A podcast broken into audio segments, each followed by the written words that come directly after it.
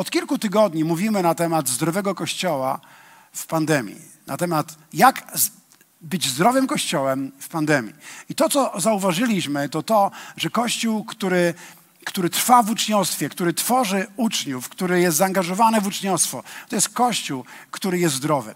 Dlatego, że zawsze bycie uczniem Jezusa prowadzi nas do Bożej obecności. Jezus powiedział: idźcie i czyńcie uczniami, a oto ja będę z wami po wszystkie dni. I to Jego obecność sprawia, że Kościół jest zdrowy. A Kościół jest zdrowy wtedy, kiedy, kiedy Kościół jest zaangażowany w czynienie uczniami, bo to czynienie uczniami, zaangażowanie w uczniostwo, by pomagać innym, stawać się uczniami Jezusa, sprawia, że mamy Jego obecność. I ja wierzę, że to Boża obecność w moim życiu przynosi mi zdrowie. Boża obecność w kościele przynosi zdrowie dla kościoła. Amen? Boża obecność w małżeństwie sprawia, że małżeństwo jest zdrowe. I obecność Jezusa w biznesie sprawia, że biznes jest zdrowy i ma się dobrze. A więc to obecność Jezusa w tych obszarach życia sprawia, że niebo się otwiera i Bóg daje nam zdrowie, którego tak bardzo potrzebujemy. A więc bez względu na to, co się dzieje, kiedy masz blisko siebie Jezusa albo ty jesteś w bliskości z Panem, to jestem przekonany, że będziesz doświadczał zdrowia. Amen? Aleluja. Dzisiaj chciałbym, abyśmy otworzyli sobie e, kilka miejsc, które są właśnie związane z uczniostwem. Jedno z miejsc to jest Dzieje Apostolskie, rozdział 11, 26. Chciałbym, żebyśmy od tego miejsca zaczęli. Czytamy tutaj, że Barnaba przyszedł do Antiochii i zobaczył tam wielu ludzi, którzy uwierzyli w Jezusa. Wielu ludzi, którzy zaufali Jezusowi, którzy zawierzyli Jezusowi, którzy przyjęli Jezusa do swojego serca. I, i zobaczył, że ich jest tak, tak dużo, że stwierdził, że potrzebuje kogoś, kto by był jego partnerem i pomógł mu objąć nauczaniem tych ludzi, którzy, którzy tam byli. A więc czytamy tutaj, że on sprowadził Pawła i razem, tu jest napisane, objęli nauczaniem znaczną liczbę osób. I kiedy ludzie patrzyli na tych, którzy byli objęci nauczaniem, nazwano tych ludzi, nazwano ich chrześcijanami. I to pokazuje mi, że ta nazwa, którą wszyscy znamy i wszyscy używamy i z nią się utożsamiamy, utożsamiamy i, i nazywamy siebie chrześcijanami, często jest, myślę, dość mocno nadużywana. Mówimy, to jest chrześcijański kraj. Mówimy, ten kraj to chrześcijański kraj. Patrzymy, jak ludzie żyją w tym kraju, ale mówimy, to nie ma nic wspólnego tak naprawdę z tym, jak żyli pierwsi chrześcijanie, pierwsi uczniowie. I myślę, że, że bardzo mocno nadużyliśmy to naz, tą nazwę chrześcijanin. Dlatego, że chrześcijanin, kiedy patrzymy na Słowo Boże, to widzimy, że to się wiązało z uczniostwem, z naśladowaniem Jezusa. A więc nie pochodzi to słowo chrześcijanin od słowa chrzest, tak jak wielu to uważa. Zostałem ochrzczony, to jestem chrześcijanem, chrześcijaninem I, i myślą, że od chrztu pochodzi nazwa chrześcijanin. Ale słowo chrzest to baptizo. Ale w żaden, w żaden sposób nie możemy przypisać do tego słowa baptizo słowa chrześcijanin. Chrześcijanin pochodzi od Chrystus, od słowa naśladowca Chrystusa, uczeń Jezusa. A więc celem uczniostwa, celem uczniostwa, celem dla którego Barnaba poszedł i sprowadził Pawła do Antiochii było to, aby pomóc tym, którzy uwierzyli, stać się podobnymi do Jezusa. Celem uczniostwa jest stać się jak mistrz. Jeżeli jesteś wierzącym człowiekiem, to potrzebujesz teraz, by ktoś objął cię nauczaniem aby ktoś poprowadził cię w uczniostwie, aby, aby ci pomóc stać się jak mistrz. Bo sam moment przyjęcia wiary w Jezusa, sam moment nowonarodzenia i chrztu wcale nie wiąże się z tym, że już jesteś jak mistrz. Żebyś mógł dojść do tych wymiarów Chrystusowych, do pełnych wymiarów Chrystusowych, do dojrzałości w Chrystusie, potrzebujesz, aby ktoś przyszedł do Twojego życia, objął Cię nauczaniem, pomógł Ci stać się jak mistrz. Amen? I to było dokładnie to, co miało miejsce w całych dziejach apostolskich. Widzimy to wszędzie.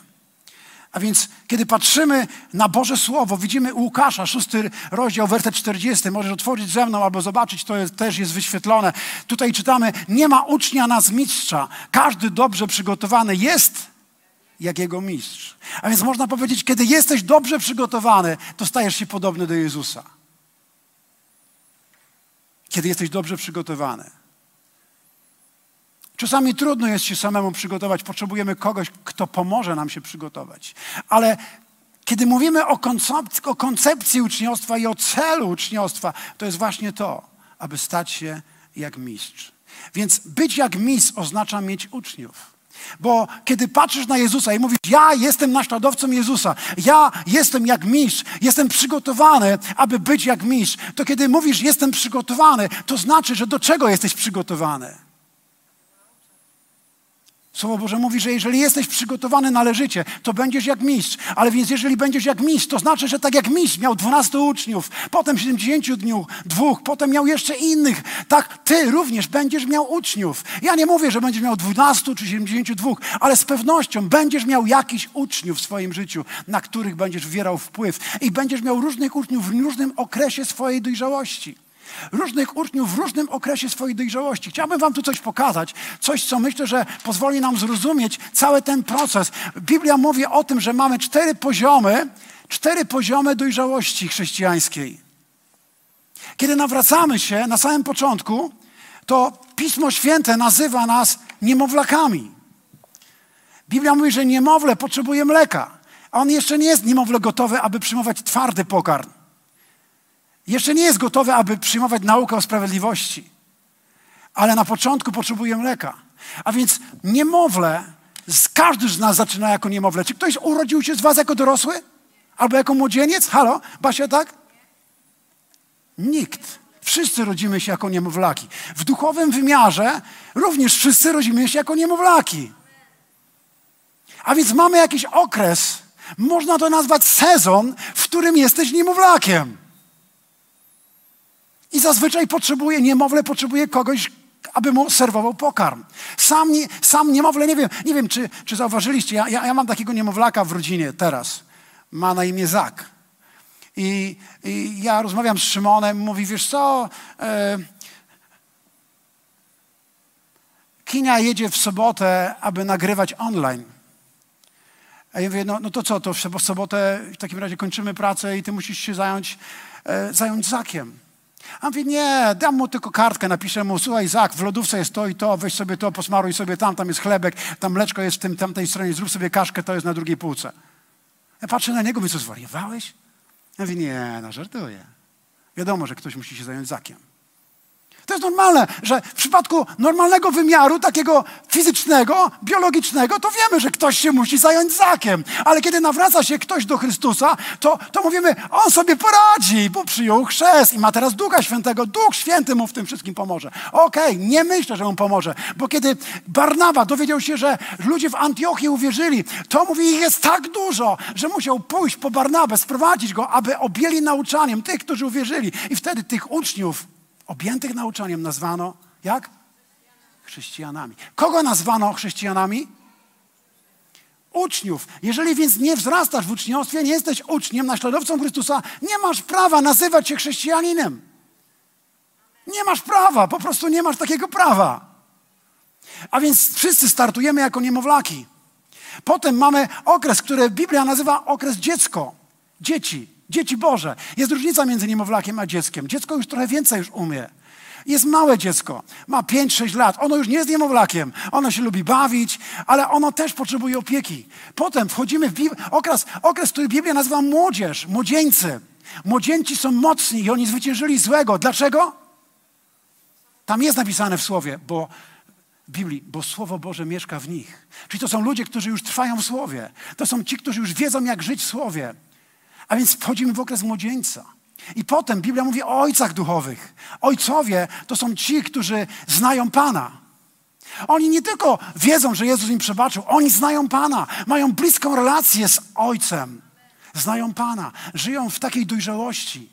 A więc widzisz, na każdym poziomie duchowej dojrzałości możesz komuś pomóc. Jeżeli ktoś się nawraca, on sam sobie nie pomoże. Potrzebuje, aby Barnaba przyszedł i, i żeby Paweł przyszedł, aby mu pomóc. A więc jeżeli jesteś już dzieckiem, w poziomie dziecko, to możesz pomóc w tym okresie, będąc tym, którzy są w tym okresie.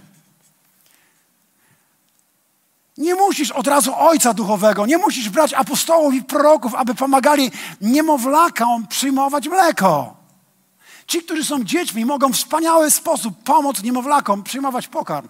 Kiedy wchodzisz w okres młodzieńca, to ty możesz pomóc i tym, i możesz pomóc również i tym. Bo ty znasz Pana, ale jesteś na takim poziomie, że możesz i dzieciom pomóc wejść w to miejsce, że znają Słowo, ale możesz też pomóc niemowlakom. Kiedy dochodzisz do miejsca, w którym jesteś ojcem, ty możesz pomóc zarówno tym, zarówno tym, czyli zarówno również tym. O, tutaj mamy. Czy rozumiecie? Jesteś na takim poziomie, jesteś w takim miejscu, że ty możesz i tym, i tym, i tym pomóc. To tylko od ciebie zależy. Czy przyjmiesz to posłanie do tego, aby czynić uczniami? Czy przyjmiesz to posłanie od Jezusa? Panie, Panie, poślij mnie, aby mógł pomóc niemowlakowi, jakiemuś dziecku albo jakiemuś młodzieńcom. Jeżeli jesteś w tym poziomie, na tym miejscu Ojca.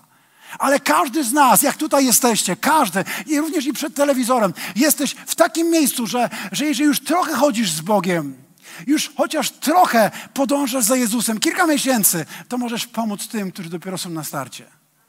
Każdy może pomóc komuś. I do tego dzisiaj chciałbym Cię zachęcić. Tytuł dzisiejszego kazania to jest Oto jestem. Poślij mnie. Poślij mnie do tych, którzy uwierzyli, abym im pomógł stać się tak, takim jak mistrz. Oto jestem, poślij mnie. Oto jestem, Panie, poślij mnie. To jest dokładnie to, do czego wierzę, że Bóg każdego z nas powołuje. Chciałbym, abyśmy zobaczyli pewien plan, który, który Jezus rozpoczął wiele, wiele, wiele lat, wiele wieków temu, kiedy odchodził. Pamiętacie Ewangelię Mateusza, 28 rozdział? Jezus powiedział: idźcie i czyńcie uczniami. Idźcie i czyńcie uczniami. A On to przekazał tą, to wyzwanie, to poselstwo, ten nakaz misyjny przekazał swoim uczniom. To nie było tylko do apostołów. To wyzwanie idźcie i czyńcie uczniami było do wszystkich. Potem widzimy, jak Paweł mówi do Tymoteusza, to co słyszałeś ode mnie, przekaż innym, którzy są godni zaufania, którzy będą zdolni innych nauczać. To cały czas trwało i to cały czas Bóg chce, aby trwało aż do naszych czasów. W ten sposób funkcjonuje chrześcijaństwo. To jest tak naprawdę DNA chrześcijaństwa. I gdybym miał powiedzieć, czym się charakteryzuje, co jest takim jednym z głównych, z głównych e, genów chrześcijaństwa, to jest czynienie uczniami. To, jest, to umieszcza Bóg w każdym z nas przez bliskość. A więc kiedy jestem z Jezusem, to On umieszcza we mnie pragnienie czynienia uczniami. Pragnienie pomagania innym, by mogli wzrastać, by stawać się taki jak Jezus, jak mistrz.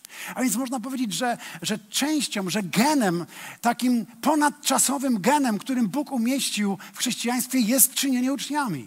Również możemy powiedzieć, że to jest część kultury chrześcijańskiej, część kultury Kościoła, Kościoła Chrystusa. Jeżeli w jakimś kościele przychodzisz i tam nie widzisz chrześcijaństwa, tylko masz niedzielne nabożeństwa, msze, możemy to nazwać jakkolwiek, czy msze, czy niedzielne nabożeństwo, ale nie widzisz uczniostwa, to możesz być pewny, że ten Kościół stracił kulturę, stracił Boże DNA, stracił coś, co Jezus chciał zaszczepić w Kościele. I my dzisiaj widzimy, szczególnie w pandemii, jak to bardzo ważne jest, abyśmy powrócili do tego, co było na początku. Amen? A więc Jezus mówi, idźcie i czyńcie uczniami wszystkie narody, uczcie ich przestrzegać wszystkiego, co ja wam przekazałem. A oto ja jestem z wami. Ostatnio usłyszałem o pewnych, o pewnych motylach, które mnie zaintrygowały. Motyl monarcha. Nie wiem, czy słyszeliście o takich motylach. One rzadko kiedy występują w Polsce. Chciałbym, żebyście je zobaczyli. To jest motyl monarcha. Ma około 10 centymetrów. Rozpiętość skrzydeł tego motyla jest około 10 centymetrów, czyli takich nie mamy. Piękny motyl pomarańczowy. Wszystkie są takie same. Jakby kopia, każdy taki sam. Motyl monarcha. Nie ma różnych odmian motyla monarcha. Wszystkie są takie same. Czym się charakteryzują te motyle? To są motyle, które mają wszczepione w sobie, w swoich genach migrację. One migrują z północy Stanów albo z północnej Ameryki do południowej Ameryki.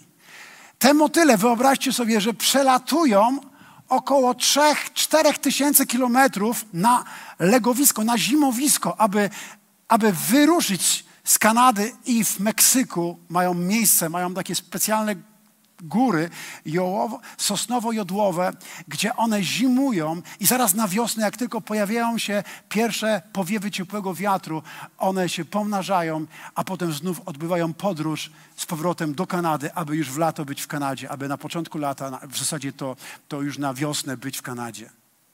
I potem znów upływa kolejne kolejnych kilka miesięcy, lata, gdzie one się rozmnażają i kilka pokoleń e, pojawia się nowych tych motyli i znów koniec lata, można powiedzieć wczesna jesień i początek, koniec, koniec lata, one znów migrują, zmierują do Kanady. I teraz wyobraźcie sobie, że około 140 milionów tych motyli przybywa do Meksyku na legowisko albo na zimowisko. Można powiedzieć, a cóż takiego w tym dziwnego? A to jest dziwne to, że ten motyl zwykle żyje 3-4 tygodnie, a potrzebuje przelecieć około 3000 kilometrów, z czego jednego dnia najwięcej może przelecieć około 160 kilometrów. Jak to jest możliwe?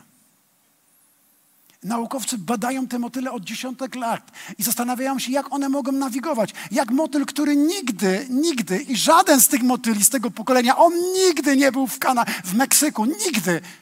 Jak on może trafić w to samo miejsce, co jego pradziadek? Więc myślę, że to jest coś, co jest w ich DNA. To jest zaszczepione w ich genach. Taki motyl żyje 3-4 tygodnie te, które wyruszają, one oszczędzają energię, aby, aby lecieć do Meksyku, ale one nie są, jedno pokolenie nie jest w stanie, ze względu na długość życia, dolecieć do Meksyku. A więc one lecą najdalej jak mogą, wykorzystują całą swoją energię i potem przekazują to następnemu, składają larwy, przekazują to następnemu pokoleniu i następne pokolenie leci. Z ile może najdalej, bierze najwięcej energii, najwięcej sił wykorzystuje, aby dolecieć i w końcu docierają do miejsca legowiska. I te, które są w miejscu zimowania w Meksyku żyją najdłużej, bo muszą przeżyć całą zimę, a więc one są w takim stanie. Możemy w te zdjęcia, bo ja cały czas o tych motelach mówię. Poproszę, gdybyście zgasili te światło, bo chcę, żebyście zobaczyli motyle. Chcę, żebyście je zobaczyli. To jest bardzo ciekawe. Te, te na górze, chyba one najbardziej z, z, przeszkadzają.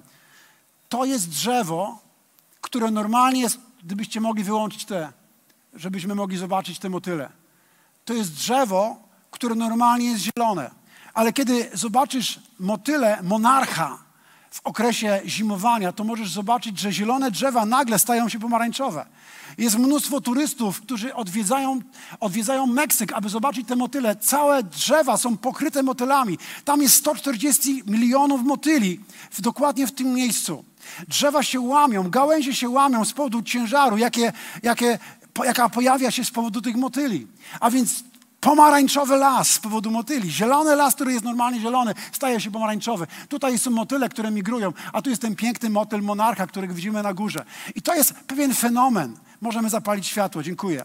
I dla, dlaczego powiedziałem, że to jest pewien fenomen? Dlatego, że Bóg umieścił w ich genach, w ich DNA tą, to pragnienie migracji, to pragnienie przekazania dalej tego gatunku zdolności pomnażania się. Ale co by się stało, gdyby jedno pokolenie powiedziało, a my zostaniemy sobie tutaj, na przykład w Kanadzie, bo nam się tu podoba. Całe pokolenie, gdyby się zbuntowało, powiedział, my tego nie będziemy robili. Co by się stało z tymi motylami? Umarłyby. Nic by się nie stało. By po prostu umarły. Nie przekazaliby dalej DNA. Co by się stało, gdyby 11 uczniów, jest takie miejsce w Biblii, że, które mówi, że arcykapłani zamknęli całą dwunastkę w więzieniu. I chcieli, postanowili na następny dzień albo parę dni później ich wszystkich zabić. I wtedy przyszedł tam anioł w nocy. Wyprowadził ich z więzienia. I anioł powiedział, idźcie i głoście słowa, które darzą życiem. Idźcie i nieście słowa, które darzą życiem. I oni zaraz posłusznie poszli i z powrotem byli w świątyni i głosili słowo. Oni nie pozwolili, aby diabeł ich przestraszył. Oni nie pozwolili, aby diabeł ich zatrzymał. Oni nie pozwolili, aby, aby to DNA, które jest DNA uczniostwa, które Jezus umieścił, aby zostało zatrzymane. Oni poszli dalej, dalej czynili uczniami, dalej pozyskiwali uczniów, dalej nauczali. To jest to, do czego dzisiaj Bóg powołuje Kościół. Ciebie i mnie. I my musimy odpowiedzieć Bogu, oto jestem, poślij mnie.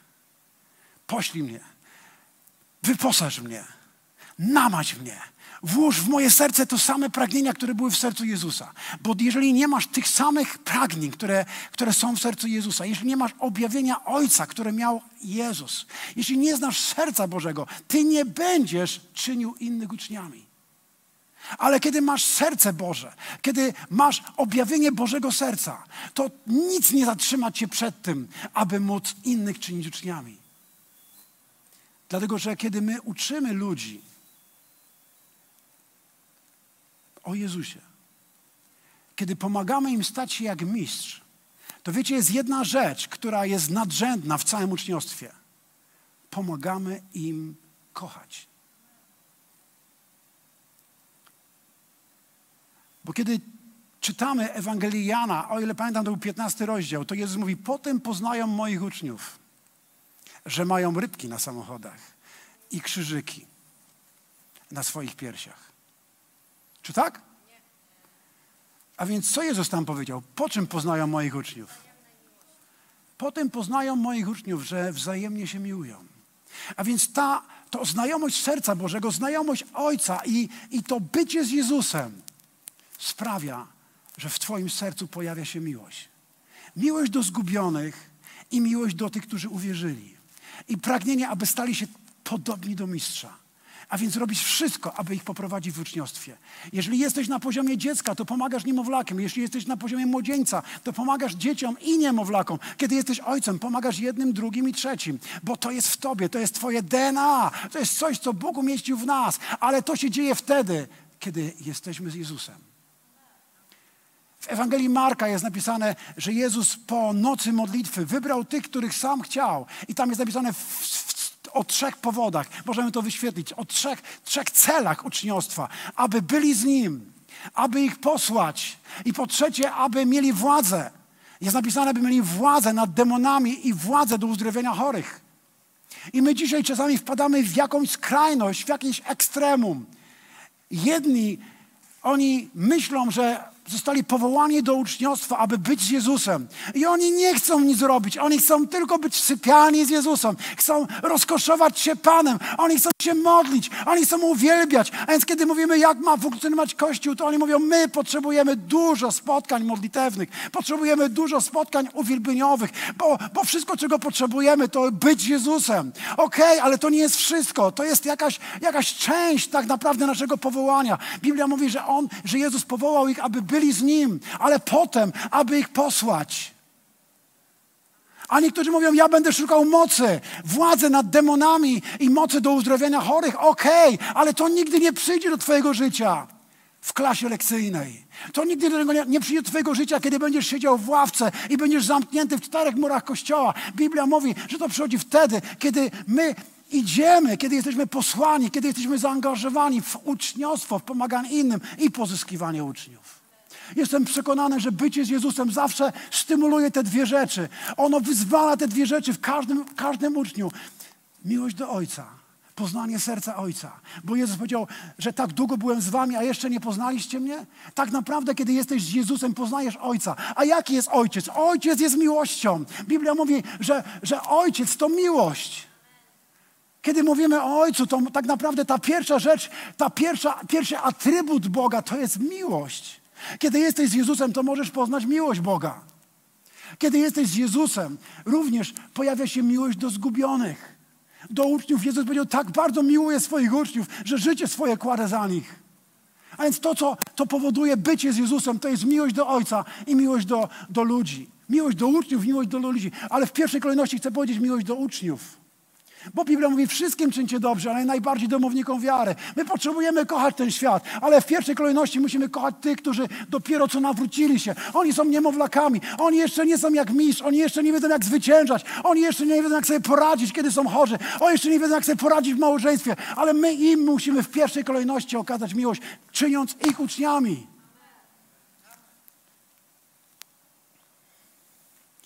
Chcę otworzyć Izajasza, abyśmy przeczytali. Poproszę. Otwórzcie Izajasza, szósty rozdział. Izajasz, szósty rozdział.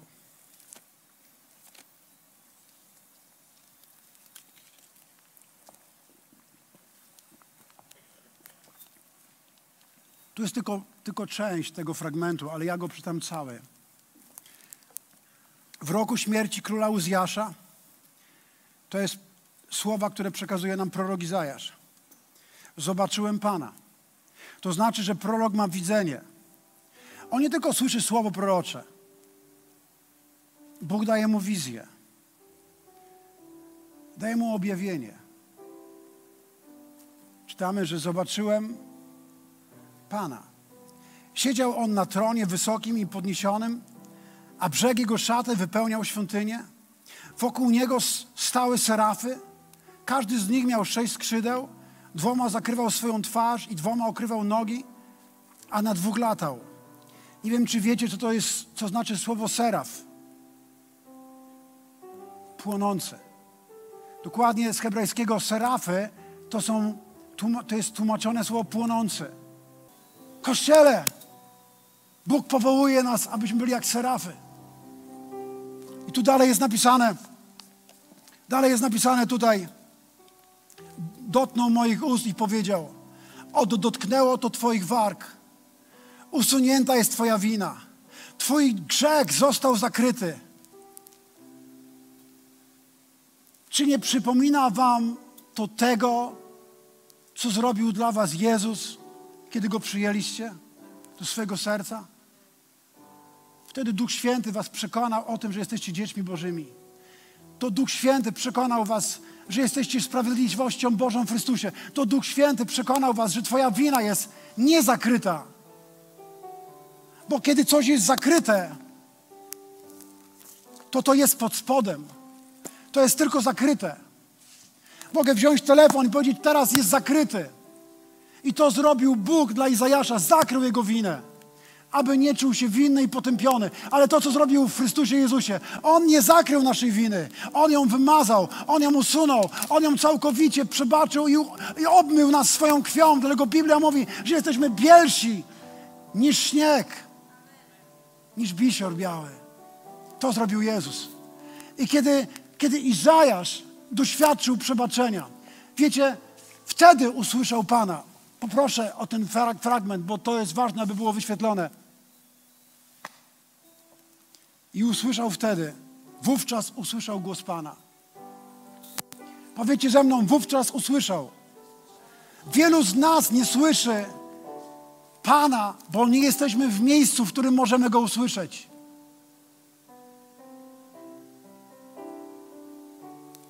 Nie w każdym miejscu usłyszysz Pana. Musisz wejść do miejsca, w którym Go możesz usłyszeć. usłyszeć. Musisz wejść, szukać Jego obecności. Dlatego Jezus powiedział, szukajcie, a znajdziecie, kołaczcie, a otworzą wam. Pukajcie, a będzie wam dane. To nie dzieje się bez Twojego zaangażowania. Ty masz swoją część w tym planie Bożym, a Bóg ma w tym swoją część. I kiedy będziesz szukał, tak jak Izajasz, będziesz blisko Jego, będziesz w Jego obecności, wejdziesz do miejsca intymności z Bogiem, usłyszysz Pana. Zobaczcie, co usłyszał Izajasz. Czytamy tutaj, wówczas usłyszałem głos Pana, który pytał, kogo poślę? Kto tam pójdzie? Czy wiecie, do kogo on miał iść? Do kogo go chciał wysłać Pan? Możesz zobaczyć tam to tłumaczenie z hebrajskiego do jego narodu. On miał iść do Izraela. Kogo pośle, kto tam pójdzie? Dzisiaj Jezus również to samo kieruje do nas. Ale wielu z nas nie słyszy tego wyzwania, bo nie jesteśmy w miejscu intymności. Nie jesteśmy w miejscu ognia, ale jesteśmy po prostu letni. Ale kiedy, kiedy On znalazł się w miejscu Bożej obecności, usłyszał. I wtedy od Niego tylko zależało, czy odpowie, o to jestem, poślij mnie. Ale chcę Wam powiedzieć, że ktoś, kto jest oczyszczony, ktoś, kto został oczyszczony z winy, kto już wie, że diabeł nie może go potępiać, kto już wie, że jego grzechy są przebaczone, kto już wie, że należy do Boga, jest wykupiony jego krwią, taka osoba zawsze odpowiada: Oto jestem i poślij mnie. Oto jestem, poślij mnie. To jest to, na, to jest to tak naprawdę, na co Bóg czeka w Twoim i w moim życiu. To jest to, na co Bóg czeka. Bo Ty i ja mamy coś, da, mamy coś do dania ludziom. Ty i ja mamy to samo DNA, jak monar- motyle monarcha. Ty i ja jesteśmy powołani, aby czynić uczniami. Ty i ja jesteśmy powołani, aby pozyskiwać uczniów. Ty i ja nie jesteśmy powołani do tego, aby siedzieć w ławce i czekać, aż ktoś nas nakarmi. Wiecie, co dzisiaj Kościół zamienił? Kościół zamienił poślij mnie, na nakarm mnie. Żyjemy w czasach, w których Kościół zamienił Boże powołanie do Boże powołania do poślij mnie, na nakarm mnie. Przychodzimy w niedzielę i mówimy, Panie, oto jestem, nakarm mnie. I dzisiaj Bóg mówi do Ciebie, kogo poślę i kto tam pójdzie. Dzisiaj Bóg mówi do Ciebie, bracie i siostro, kogo poślę, kto tam pójdzie. Masz co dać tym, którzy są na początku. Może jesteś dopiero kilka miesięcy w wierze, może jesteś rok, ale wiem, że masz coś dać. Może jesteś już na poziomie młodzieńca i Słowo Boże jest w Tobie, znasz Słowo, masz co dać. Może jesteś ojcem, masz tak dużo do dania każdemu pokoleniu. Dzisiaj do tego Was chciałem zachęcić, bracia i siostry. Halleluja.